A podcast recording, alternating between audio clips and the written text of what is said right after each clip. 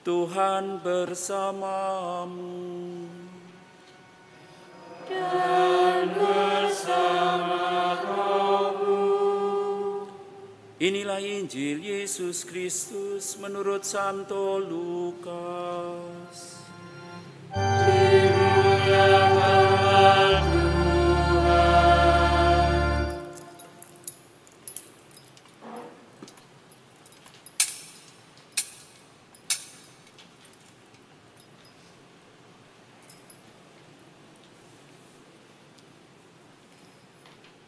Sekali peristiwa Yesus berbicara kepada orang banyak tentang kerajaan Allah.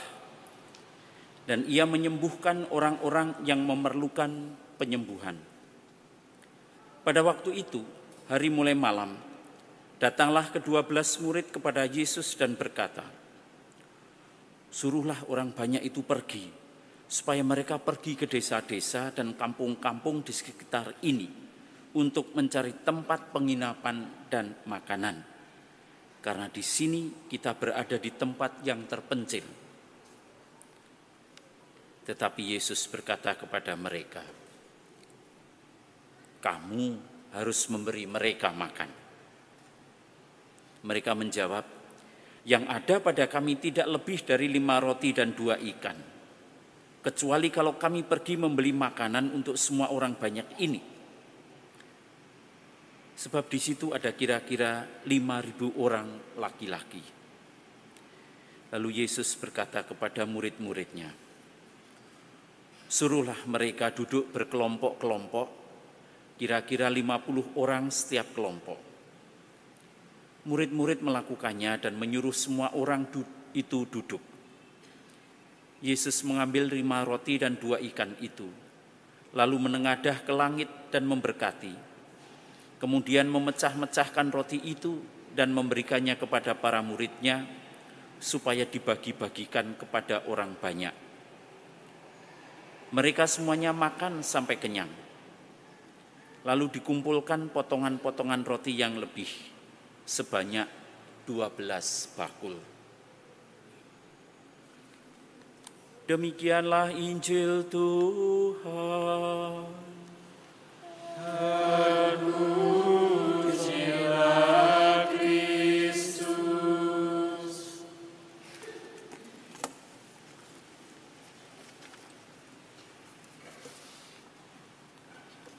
Adik-adik, Bapak Ibu, saudara-saudari sekalian, dan secara khusus adik-adik yang akan menerima sakramen Maha Kudus yang pertama.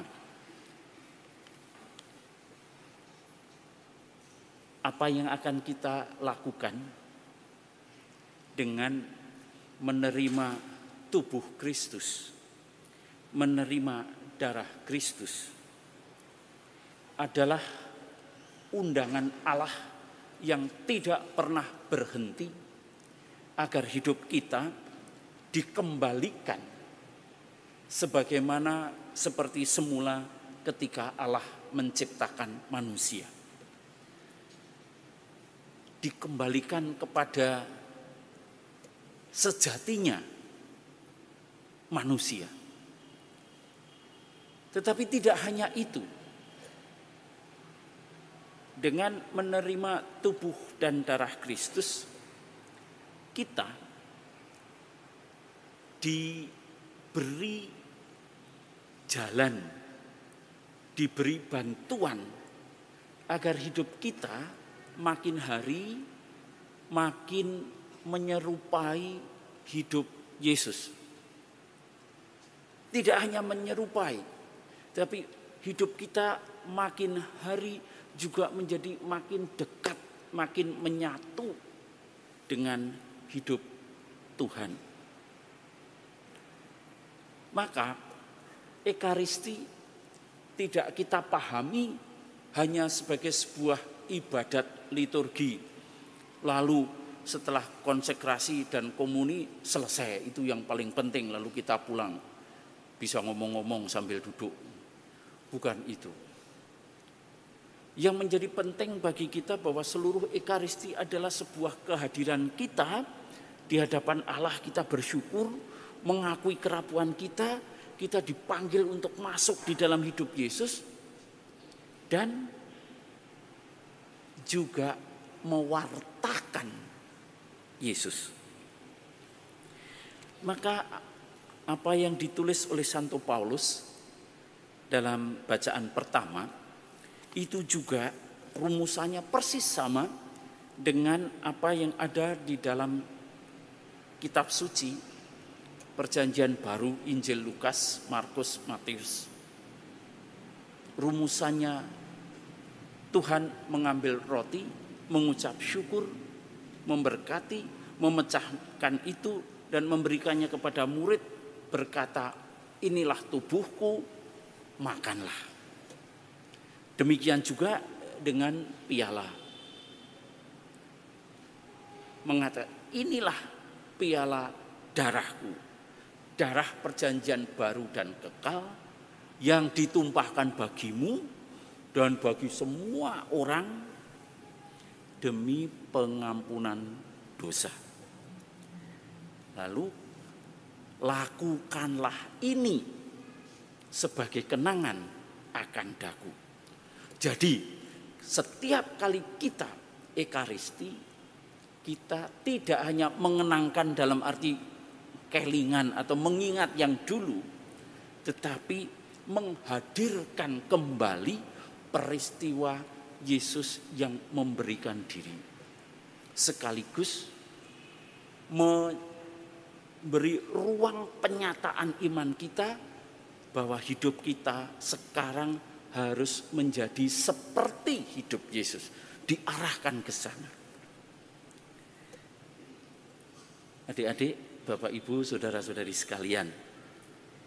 Maka pengarahan hidup Yesus pada para murid adalah agar kita itu juga berani dalam bentuk-bentuk yang konkret, nyata di dalam hidup sehari-hari menjadi tanda kutip makanan, menjadi minuman Artinya menjadi sesuatu yang boleh digunakan demi kebahagiaan, demi keselamatan orang lain. Seorang ibu menjadi sarana keselamatan bagi anak-anaknya. Istri menjadi sarana keselamatan suami. Suami menjadi sarana keselamatan dan menghadirkan keselamatan bagi istrinya Bapak Ibu menjadi sarana dan kehadiran keselamatan bagi putra-putrinya. Dan anak-anak pun menjadi sarana dan kehadiran keselamatan Allah pada orang tuanya. Demikian juga kita menjadi sarana dan kehadiran keselamatan Allah pada sesama kita.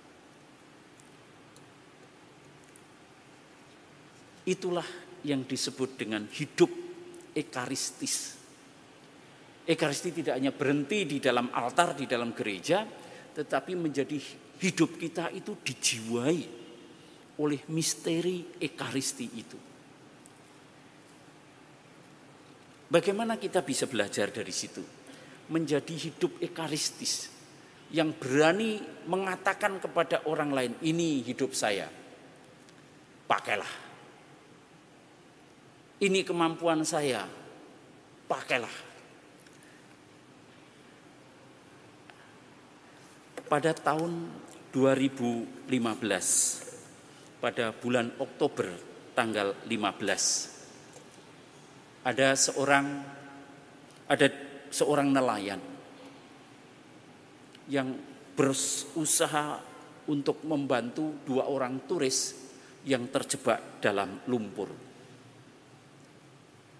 Mari kita lihat klip ini, video pendek ini. Bagaimana seseorang bahkan yang tidak mengenal Yesus bisa menghayati, bisa menghidupi menjadi penyataan hidup ekaristis. Mari kita lihat.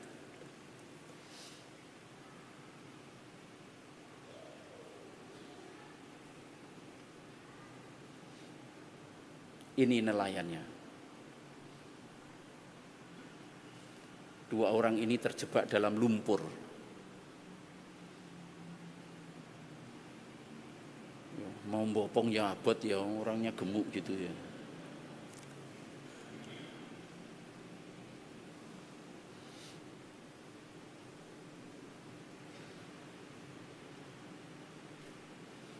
Ini adalah pasangan dari Norwegia.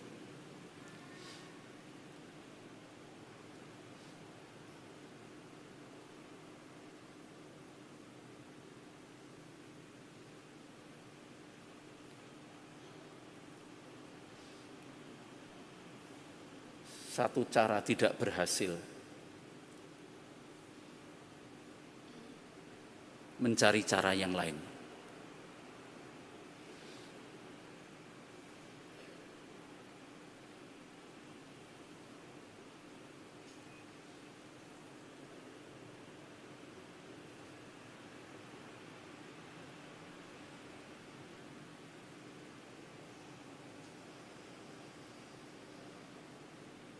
Lihat apa yang dikerjakan oleh nelayan muda ini.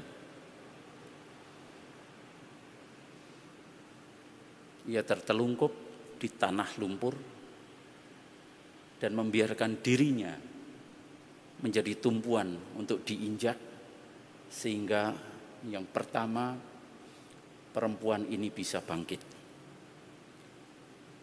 Dan itu dilakukan berikutnya kepada Bapak yang sudah lebih senior ini.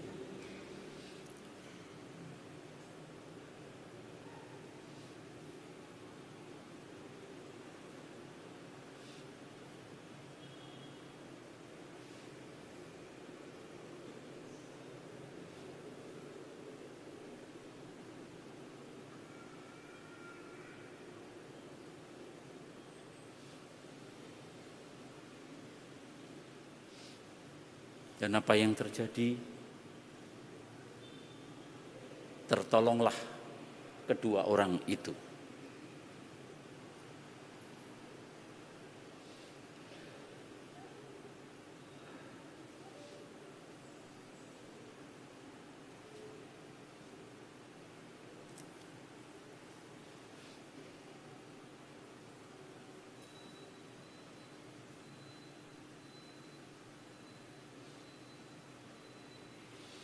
Dan setelah selesai dia melanjutkan pekerjaannya.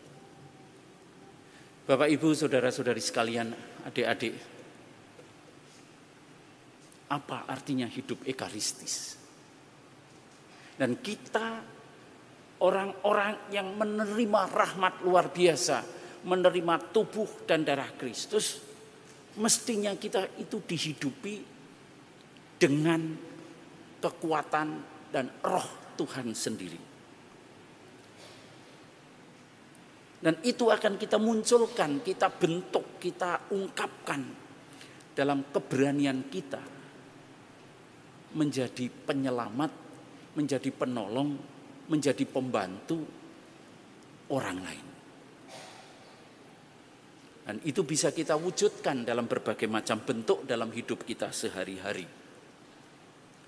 Adik-adik, Pakailah hidupmu untuk membantu orang tua. Bapak Ibu, pakailah hidup Bapak Ibu untuk keselamatan putra-putri penjenengan. Gereja dan untuk keselamatan masyarakat. Maka misteri tubuh dan darah Kristus bukan berhenti ketika kita berjejer antrean menerima komuni. Tetapi perayaan tubuh dan darah Kristus adalah perayaan iman yang akan membawa kita dalam hidup sehari-hari berani berbagi. Inilah hidupku, pakailah. Amin.